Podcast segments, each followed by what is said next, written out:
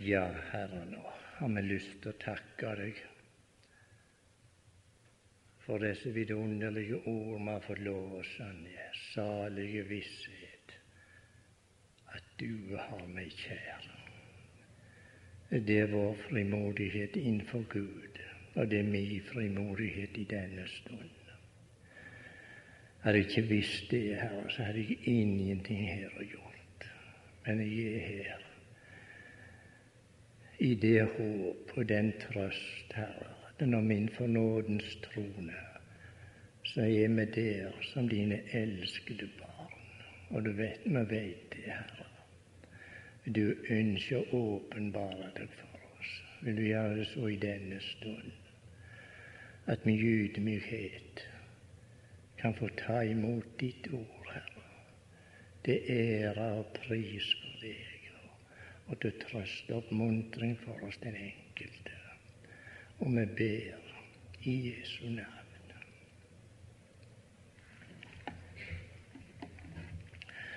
Skal vi lese ifra Første Mosebok. Første Mosebok.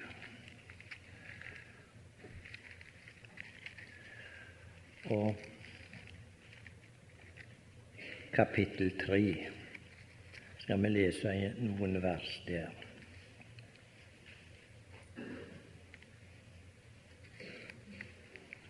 Ja.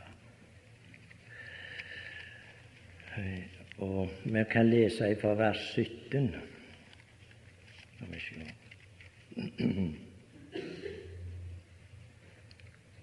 Nei, la oss ta ifra vers 14.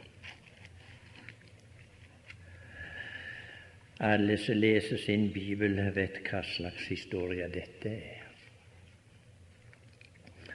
Da sa Gud, Herren, til slangen, det vers 14, fordi du gjorde dette, så skal du være forbannet blant alt fe og blant alle de ville dyr. På din buk skal du krype, og støv skal du ete alle ditt livs dager og jeg vil sette fiendskap mellom deg og kvinnen, og mellom din ett og hennes ett. Den skal knuse ditt hode, men du skal knuse dens hæl. Til kvinnen sa han, Jeg vil gjøre din møye stor i ditt svangerskap. Med smerte skal du føde dine barn og til din mann skal din attrå stå, og han skal rå over deg. Og til Adam sa han Vi legger merke til de fikk sin direkte tale, alle. Og til Adam sa han, fordi du lød din hustru og åt av det tre som jeg forbød deg å ete av, så skal jorden være forbannet for din skyld med møye skal du nære deg av den alle ditt livs dager. Torner og tisler skal den bære deg, og du skal ete urtene på marken. I ditt ansiktsved skal du ete ditt brød inntil du vender tilbake til jorden, for av den er du tatt, for støv er du, og til støv skal du vende tilbake. Og Adam kalte sin hustru Eva fordi hun er alle levendes mor. Og Gud Herren gjorde kjortler av skinn til Adam og hans hustru og kledde dem med. Og Gud Herren sa, Se, mennesket er blitt som en av oss til å kjenne godt og ondt bare han nu ikke rekker ut sin hånd og tar også av livsens tre og eter og lever til evig tid. Så viste Gud Herren ham ut av Edenshavet og satte ham til å dyrke jorden som han var tatt av.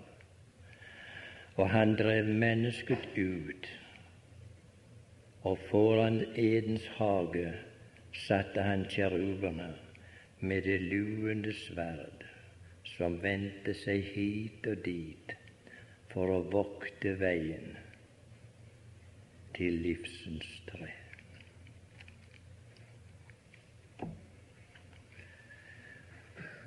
Alvorlige, guddommelige historier. Her finner vi himmelens historie.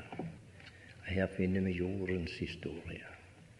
Og her finner vi vår historie. Et alvorlig avsnitt av Guds ord som er rulla opp for oss her. Det kom til et punkt når Gud måtte dreie at det her står og så viste Gud, Herren, ham ut av Edens hage. Det står i Guds ord vet du, at etter synder har gjort skilsmisse. Guds rettferdighet forbaugende ha menneskene i sin nærværelse. Han måtte drive dem bort, for Gud var en rettferdig og en rettferdig Gud. så ser vi når han setter dem på porten, som jeg sier, det var på grunn av ulydighet. Vår første stamfar, han var ulydig, og han gjorde imot Guds ord. og så viste Gud de ut. Men her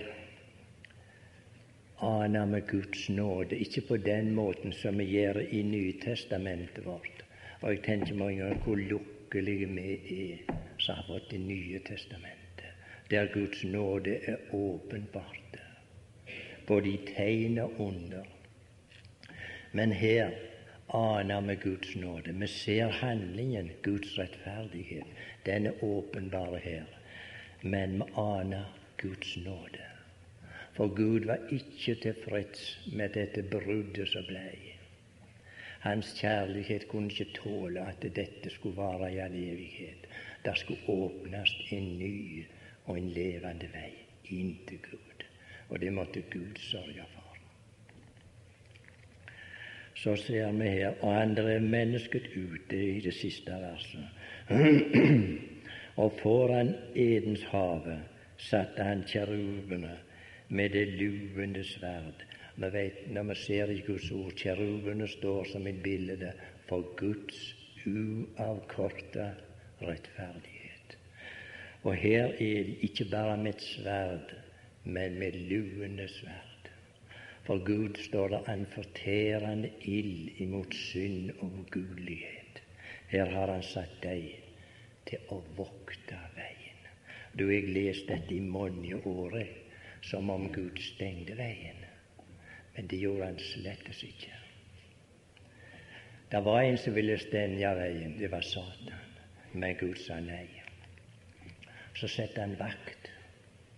Her står med luende sverd så vendte seg hit og dit for å vokte veien. Gud skulle ha veien åpna igjen, men det skulle bli en annen vei, en ny og levende vei. Men det tok tid. Og du, om vi leser om de menn i Det gamle testamentet som studerte dette, de så noe. Jeg ser ham, sa profeten, men jeg ser ham ikke klart. De granska og ransakte i Skriftene. De, de, de, hadde det på følelsen at det skal skje noe en gang. Men her er det ene årtusenet etter det andre. Ingenting skjedde. Vi kommer til Moses, så sier han en profet lik meg skal Herren oppreise av eders midte. Altså, håpet var der. Det skulle skje noe en gang i framtida. Men uh, den ene slekta gikk, og den andre gikk. Men det var ikke skjedd noe ennå. Men det foregikk noe, hva skal vi si, i den evige rådslutning i himmelen. Der var det på gang om den nye veien som skulle legges.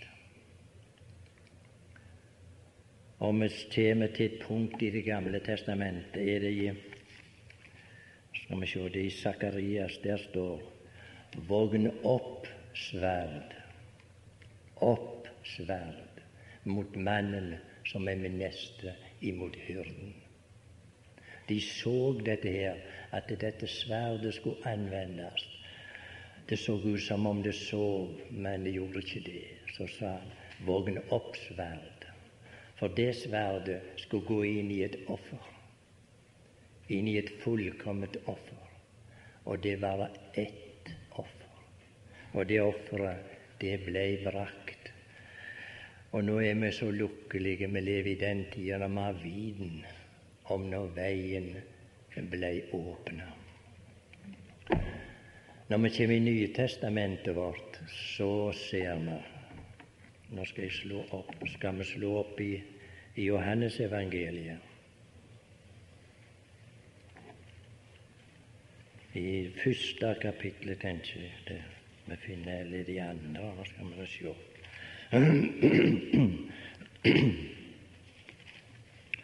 Johannes evangeliet. ja det er i Ja da, det er det andre kapittelet. Her står Johannes ute ved Jordan en dag. Og som han står, står der, så retter han ut hånda. Se der. Se der Guds lam, som bærer verdens synd, den synd som var kommet inn. Endelig kom han. Og han kom ikke i form av en Ja, med ofte det vi sier nåden. Det er Guds kraft. Ja visst er det det. Men den måtte åpenbares gjennom et menneske. Og her ser vi Guds nåde når han ble åpenbart i verden.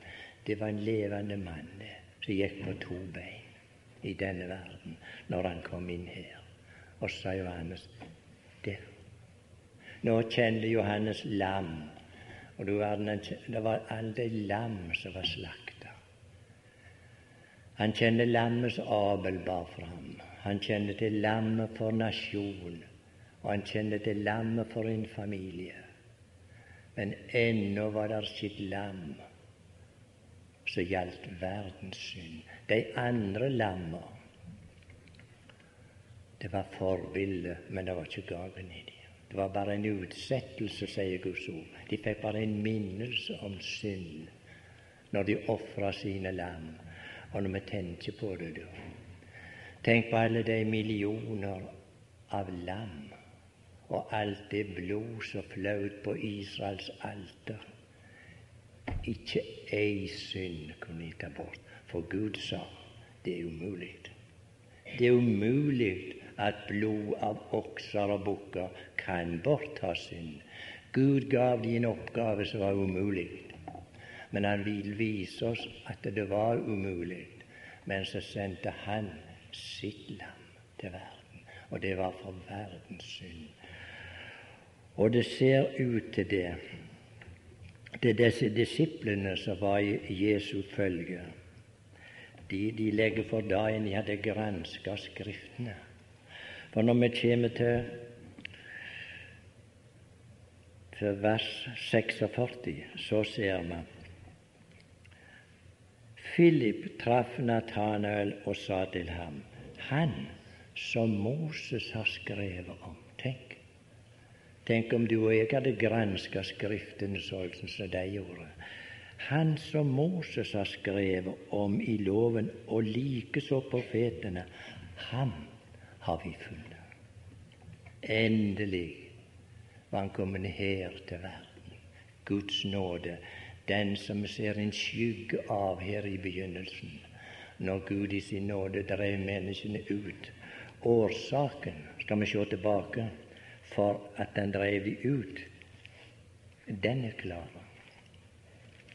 Det var ikke bare det at menneskene hadde synda, men nå var de kommet i en tilstand de kunne gjøre det som enda verre var.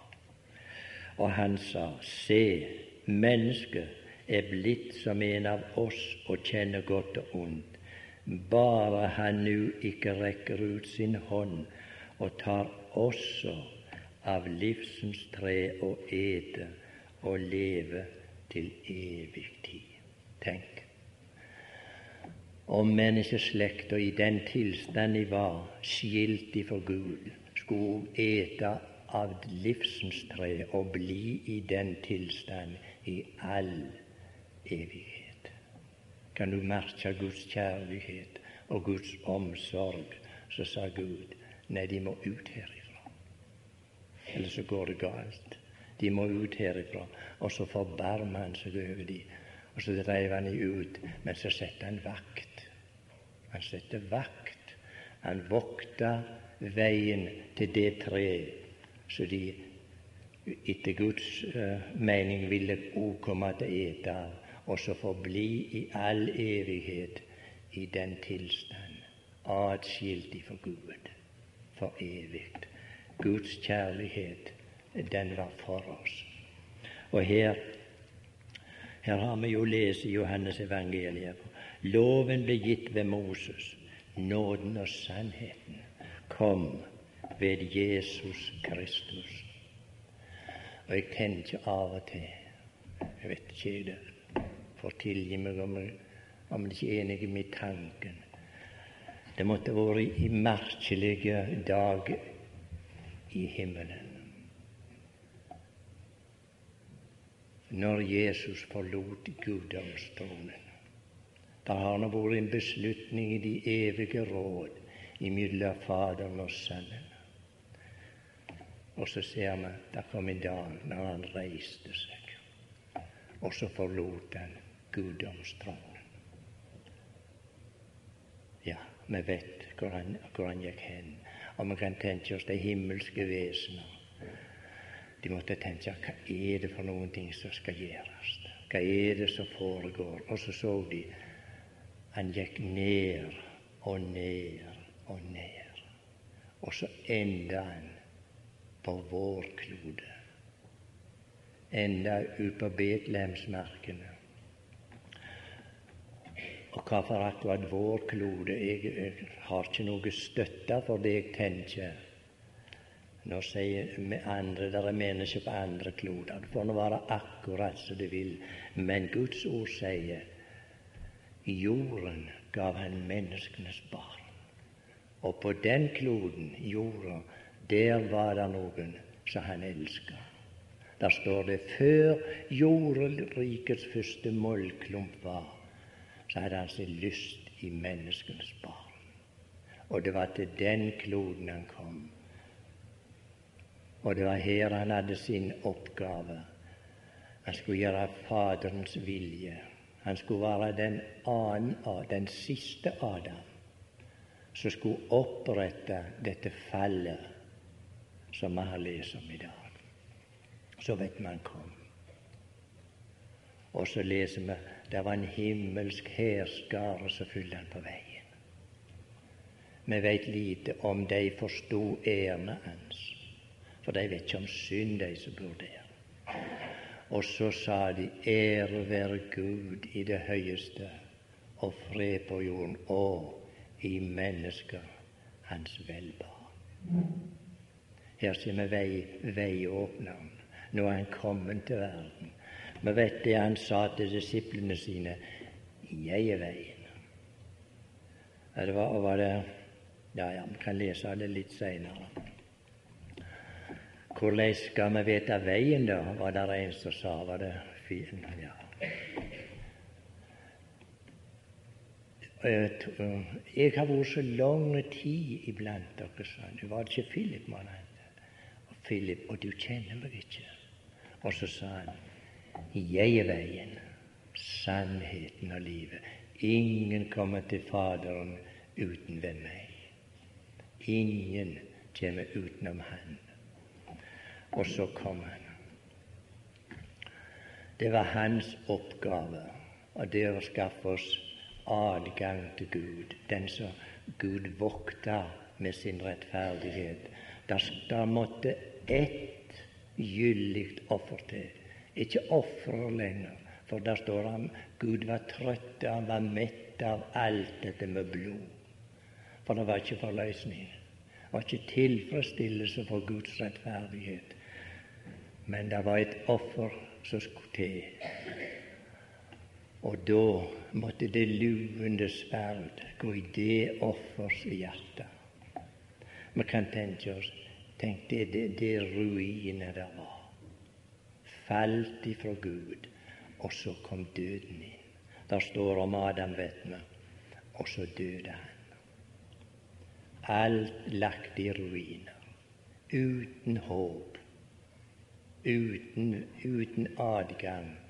Men Guds kjærlighet sover ikke. Så ser vi det. Det den første Adam fikk på grunn av sin ulydighet, det var et eneste stort ruin. Og så ruinerte han deg og meg. Vi gikk med i fallet, alt sammen. Og ikke bare oss, men hele universet. La oss ikke glemme det. Hele universet var med i fallet. Og så står det dyra, de sukka.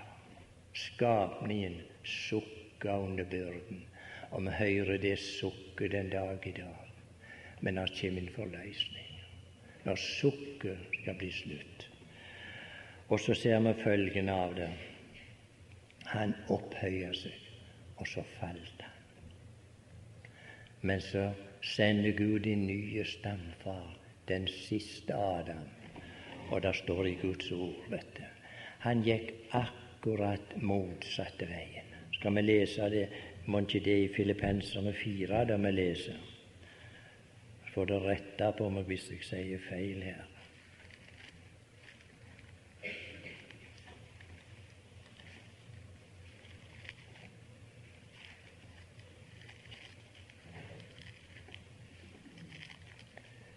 Filippenserne fire.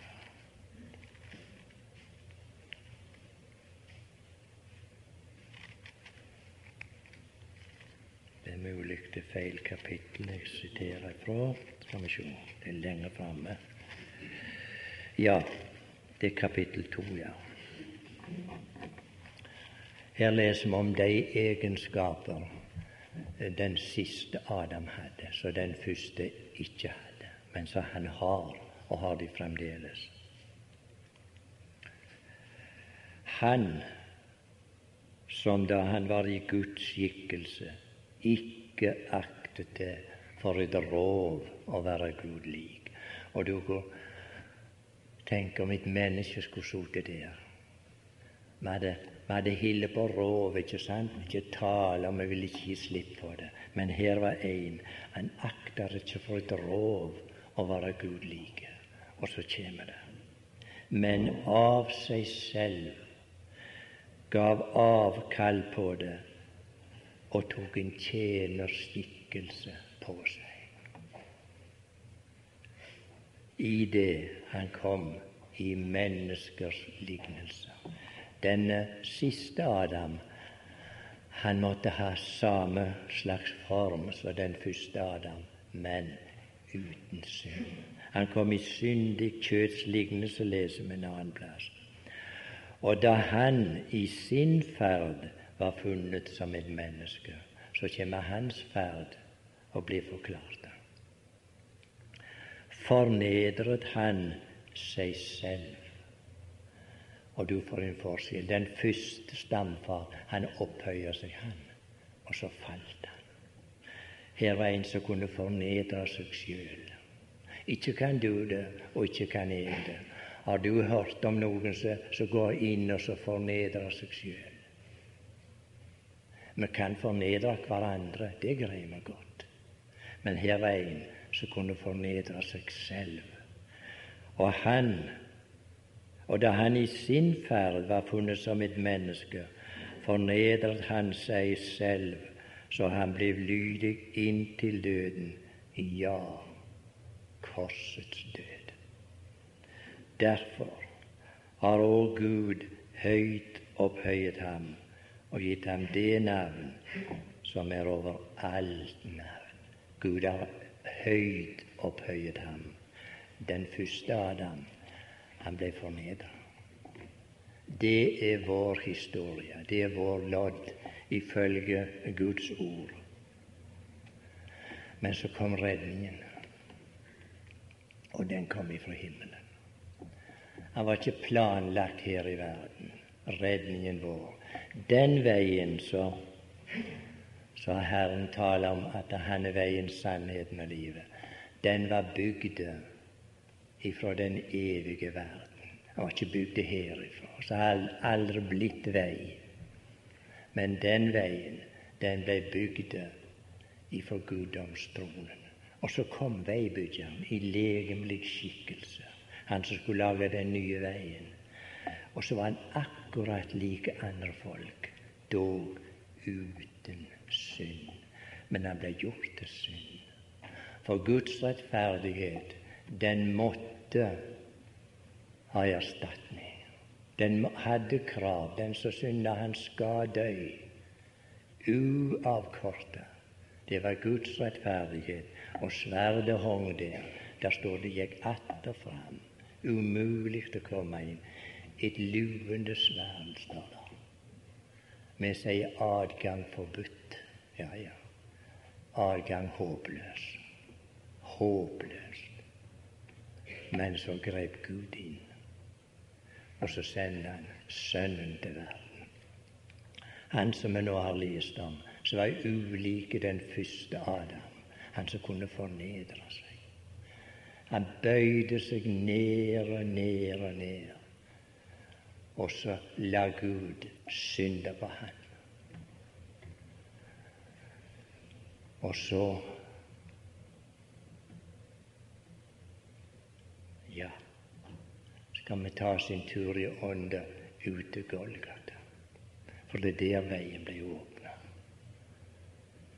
skal vi i ydmykhet innenfor Guds åsyn stille oss opp ved Kristi kors. Når rettferdigheten er i virksomhet, og når det sverd slår. Når vi kommer der ut, kanskje vi, vi finner det vel svært så klart i Matteusevangeliet. Da var det samla alt Alt var samla der når Guds sønn kom ut til Golgata. Der var all menneskelig råskap samla. Der var Satan møtt opp med sin list.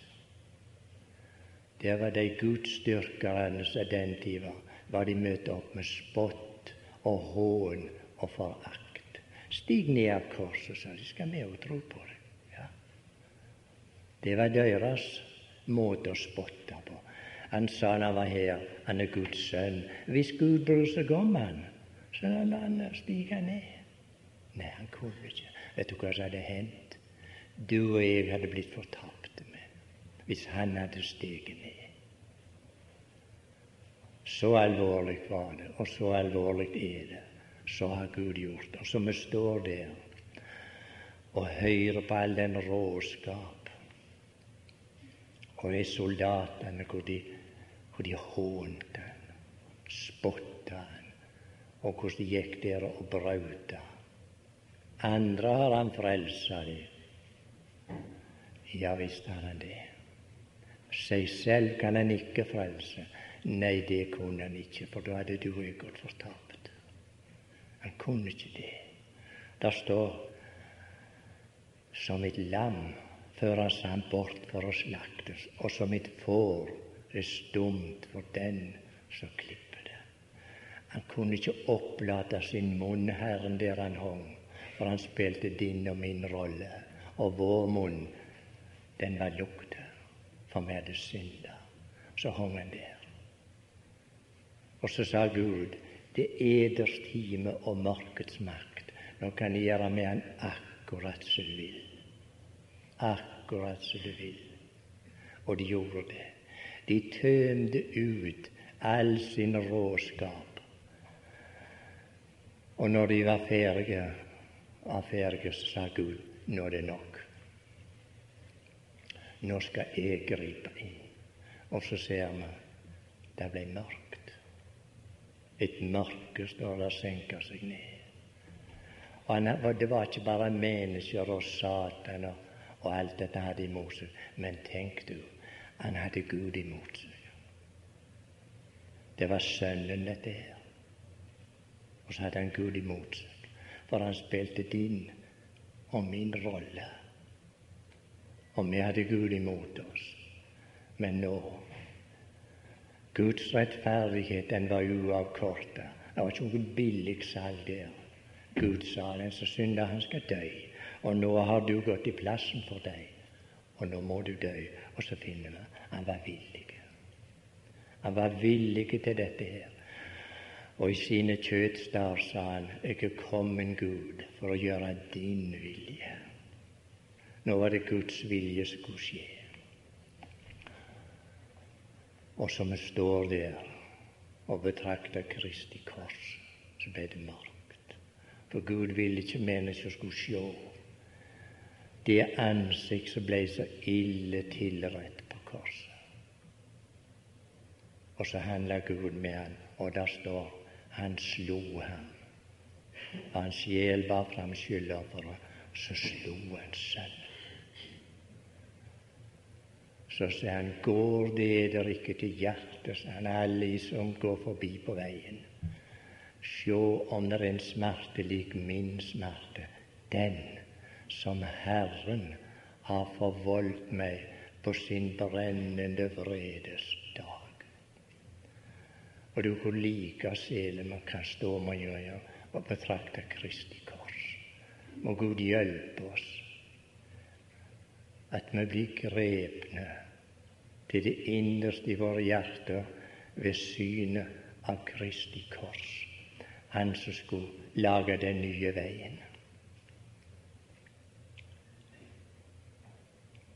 Så mens vi står her i stillheten vi hører ikke et ord. Ikke er det noen rå soldater lenger. Ikke noe spottende ypperste prester. Det er så merkelig stilt ved Kristi kors nå, for nå er det Gud som handler. Og som vi står der og lytter, så hører vi det er fullbrakt. Hva var fullbrakt? Jo, nå er veien åpna. Nå er veien åpna nå er det luende sverd brukt, for med ett offer har han for alltid gjort den fullkomne, står som blir helliget. Og så ser vi noe ja, noe forunderlig. Her var Guds rettferdighet møtt opp. Og den, den sa nå, nå skal jeg ha betaling. Betal, sa han. Og så stiller nåden seg fram, og så sa han, jeg betaler. To guddommelige egenskaper som før aldri kunne forenes, rettferdighet og nåde, de måtte til Golgata for å treffe en annen. Og så ser vi det forunderlige syn. Ja, jeg må visst be fram lese det. Det står i Salme, og det er i Salme 85 vers 11. Vil du lytte til? Nåde og sannhet skal møte hverandre. Rettferd og fred kysser hverandre. Og så står vi og ser nåden åpner sine armer, og rettferdigheten åpner sine armer, og så omfavner de hverandre og ga henne et kyss der ved Golgata. Og når dette var gjort, så ser vi noe enda underligere. Jeg vet ikke om det er rett å si underligere, men vi ser et underlig syn. Når rettferdigheten hadde fått betaling, og når det nåden og rettferdigheten var forente. Guds krav var oppfylt. Nåden hadde betalt så ser vi nåden i virksomhet. Nå er nåden kommet til verden. Og så omfavner du en, noe av det usleste i denne verden. En røver og en morder. Og så sa han i dag skal du være med meg i paradis. I paradis. Der som var lukt. Og når dette ble gjort, så ser man oppe i tempelet det revna forhenget. I to står det ifra øverst og til nederst. Hvorfor? Jo, Gud bodde der bak. Salomo sier han bor i mulme. Når han hadde bygd tempelet og ført paktens ark inn, så sa han Gud, han bor i mulme, men Gud var ikke tilfreds med å bo der. Han ville ut, han. Han ville ut til de han elska, men han kunne ikke komme ut i Guds skikkelse. Men han kom ut i et menneskeskikkelse. Han kom i syndig kjøts lignelse, leser man. Og så kom Gud ut og helligdommen. For ingen kunne gå inn der, vet vi, uten blod. Det var døden å gå inn der. Men så kom Gud ut. Så var teppet revna. Det var ingen i helligdommen. Gud var flyttet. Han flyttet helligdommen til den evige verden. Der er helligdommen. Men det var et teppe til som revna den dag. Kanskje vi skal lese i hebreerbrevet om det. Jeg tror det er Hebreerne ti vi leser om det. Det er så lett å lese det så fort mange ganger, ikke sant? Ja, ja, så. Kanskje somme tider forstår vi det, somme tider ikke. Ja. Hebreerne 10, 1920. Det skal vi lese de to versene. Da vi altså, brødre, i Jesu blod har frimodighet til å gå inn i helligdommen, som Han har innvidd oss en ny og levende vei til gjennom forhenget. Det er Hans kjøtt.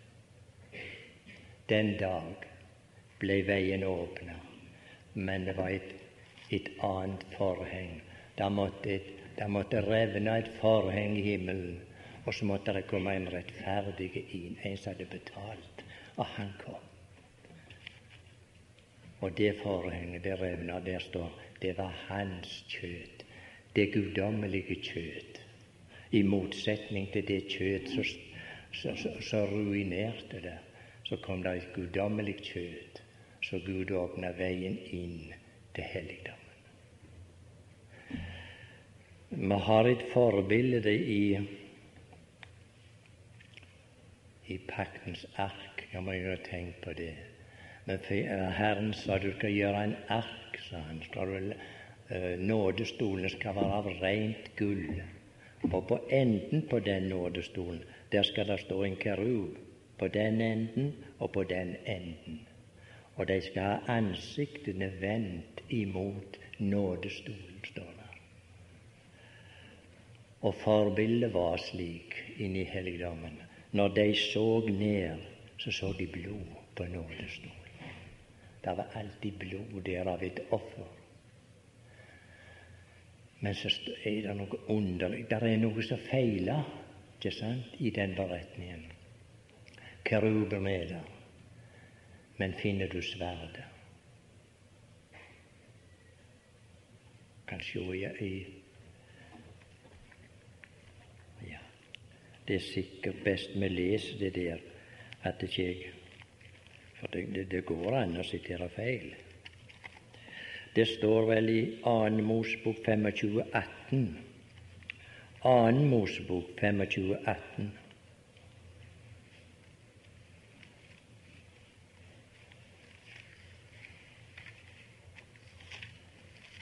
skal ta oss tid til å lese noen vers der. 25, 17, la oss begynne der. Så skal du gjøre en nådestol av rent gull. Halvtre alen lang og halvannen alen bred, og du skal gjøre to keruber av drevet av gull i drevet arbeid. Skal du gjøre, I drevet arbeid skal du gjøre dem, og sette dem ved begge endene av nådenstolen. Den ene kjerub skal du sette ved den ene ende, og den andre kjerub ved den andre ende, i ett med nådestolen. Har du lagt merke til det står 'i drevet arbeid'? Jeg forstår meg ikke så mye på hva det vil si drevet arbeid, men snakker du med en gullsmed? Han forstår på sånt.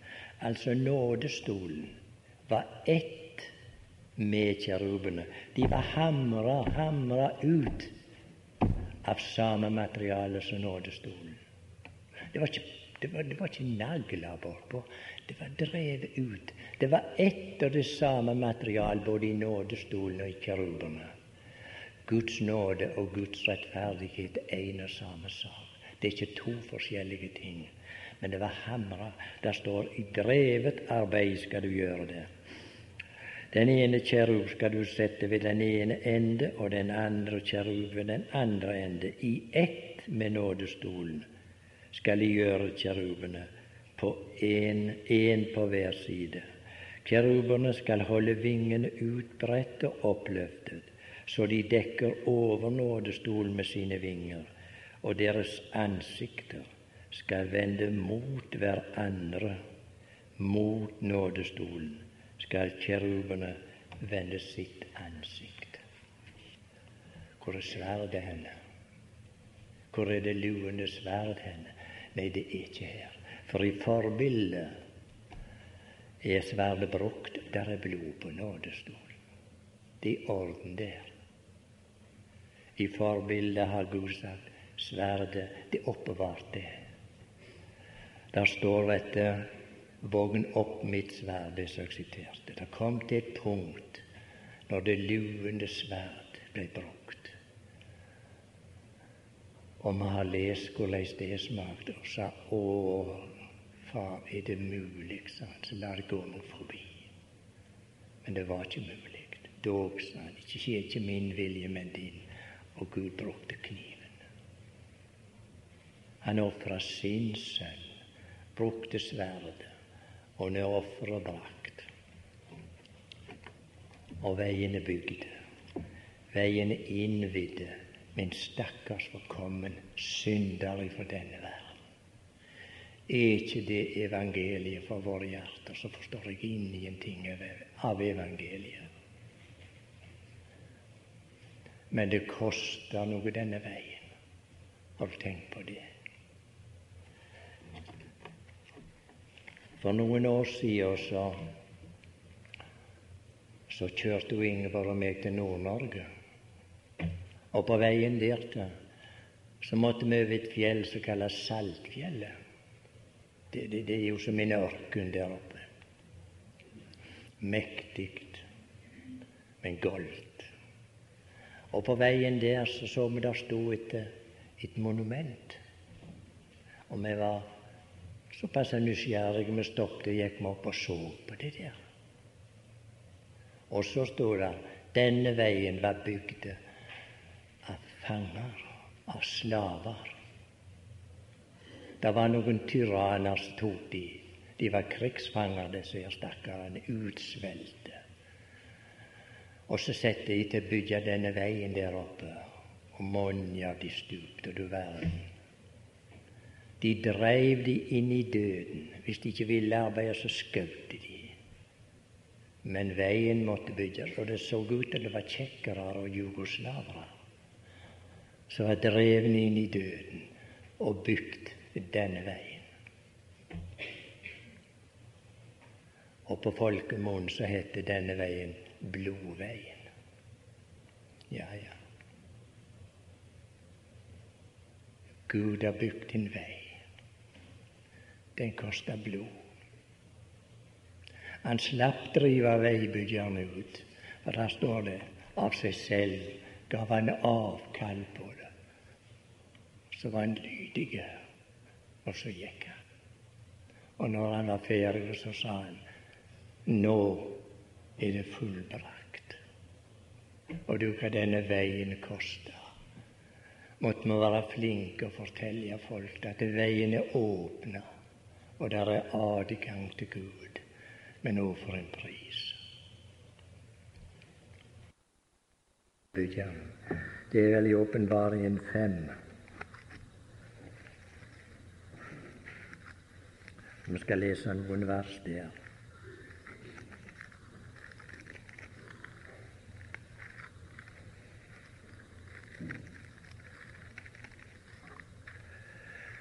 Ja.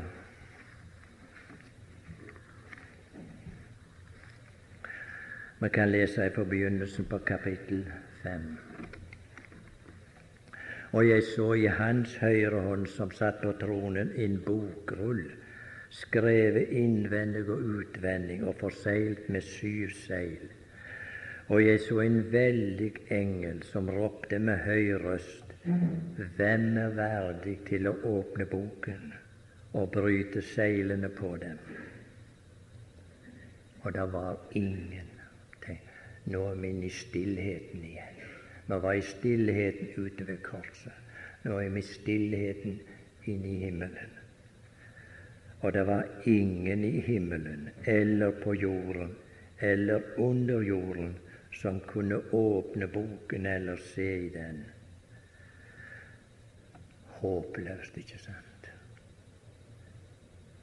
Da gråt jeg sårt fordi ingen ble funnet verdig til å åpne boken eller se i den. Her ser vi det er et spørsmål om verdighet. Hvem er verdige? Ingen i himmelen, ingen på jorden, ikke under jorden. Og så, sa apostelen, så tok gråten. For det var, det var ingen. Og så man står der og greter og en av de eldste sier til meg, gråt ikke, gråt ikke, Johannes. Se, løven av Judas stamme, Davids rotskudd, har seiret og kan åpne boken og de syv seil på den. Og jeg så midt imellom tronen og de fire livsvesen og de eldste et lam står der. Tenk, et lam. Et lam står der like som slaktet. Der står i en annen oversettelse like som nyslaktet. Dette var nytt i himmelen. Det er alltid nytt der. Jeg så et lam stå der like som nyslaktet, og det hadde syv horn, syv øyne, altså fullkommenhet i kraft og fullkommenhet i syn. og de syv Guds ånder som er sendt over jorden. Og det kom. Tenk, midt denne stillhet, og det var umulig for noen, verken i himmel eller jord, eller under jord, så kommer der et lam som retter ut hånda, så tar imot. Så tar imot dette viktige dokumentet. Det var skjøter på eiendommen her som kom fram. Hvem er verdige til å åpne den? Og så står det og det lam. Og det kom og tok den av hans hånd som satt på tronen. Og da det tok boken, så skjedde det noe. Her var en som var verdig. Men i verden er ikke lam betyr ikke så mye, for et lam kan du gjøre med akkurat som du vil. Men her var Guds lam. Og da det tok boken, falt de fire livsvesener og de 24 eldste ned for, for lammet med hver sin harpe og med gullskåler fulle av røkelse, som er de helliges bønner. Og så lytter vi til sang. Skal vi høre hva den dreier seg om? Og de synger en ny sang og sier, Verdige du. Her var endelig en som var verdige.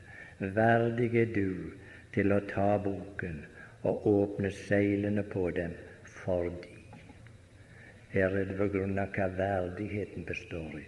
Fordi du ble slaktet, og med ditt blod kjøpte oss til Gud av hver stamme og tunge og folk og ett. Her er det framtidige koret som går i himmelen. Og her er sangen nedskrevet, den som du og jeg skal være med i. Vi skal delta dermed i dette, i dette samstemte koret skal synge Du er verdig fordi du ble slaktet, og med ditt blod kjøpte oss til Gud. Og vi ser den hånd som ble utraktet der. Det var naglemerke i den hånd. Det var han som hadde ord på Golgata, når vi leser om han som ble slakta. Et fælt uttrykk, dette her. Ble slakta. Men der står det vårt påskeland er slakta. Og nå er det i orden. Nå kan vi gå inn til Gud. Og så kommer følgen av dette. Gud har åpna veien. Det blir en ny sang. Og hvordan er det da? Vi synger en sang, men de lærte den først her nede, da de hen til Golgata kom. Må Gud finne den sangen i våre hjerter mens vi er her, mye mer enn i dag, for vi skal synge den samme sangen. Vi har lært den her. Verden kjenner den ikke, men vi kjenner sangen. Men vi ser noen andre som kommer frem og, frem og synger her. Kan vi si et annet kor. I vers 11 Og jeg så, og jeg hørte. Altså det, det er en mann med full bevissthet som ser og hører. Og jeg så og jeg hørte en røst av mange engler omkring tronen og livsvesenene og de eldste, og tallet på dem var ti tusen ganger ti tusen og tusen ganger tusen. Og de sa Det står ikke at de sang. Jeg kan ikke si noe annet enn som står her. Jeg. Og de sa med høy røst Verdig er lammet som er slaktet. De skjønte seg på verdigheten verdige lammet som er slaktet, til å få makt og rikdom og visdom og styrke og ære og pris og velsignelse. Men de kunne ikke synge av noe blod. Men det er noen her i verden som forstår seg på den sangen fordi du ble slaktet, og med ditt blod kjøpte oss til Gud av hver tunge og og ett. Lykkelige folk som hører til i denne verden, og som tar imot dette og går inn gjennom den nye og den levende veien som Gud har åpna. Troende bror og søster, det kommer snart en dag når vi skal se veibyggeren, kongen i hans skjønnhet. Nå skal vi forstå oss litt mer på prisen han betalte på den himmelske blodveien som ble lagd. Han ble ikke dreven fram til å bygge veien, men han elska det han bygde veien for. Og vi vet det er en stor begivenhet i, i, i, i Norge i våre dager når det ble lagt en ny vei ikke sant, i avsidesliggende bygd. Da var det stas den, veien, den dagen når, når veien ble åpna. Måtte det være mer stas iblant Guds båten for den nye veien som er kommet. Men det kommer en dag når vi skal se veibyggeren. Vi skal se kongen i hans skjønnhet, står det. Da skal vi endelig få dette kalde og trege hjertet med oss. Og da skal det være grepet, det hjertet som aldri før. Skal være grepet av kongens storhet. Og da, da, da, da skal det i all evighet være grepen av Han. Det skal aldri kolne mer. Men det skal, det skal bli grepen av Hans storhet og dette i all evighet. Skal vi prise Han?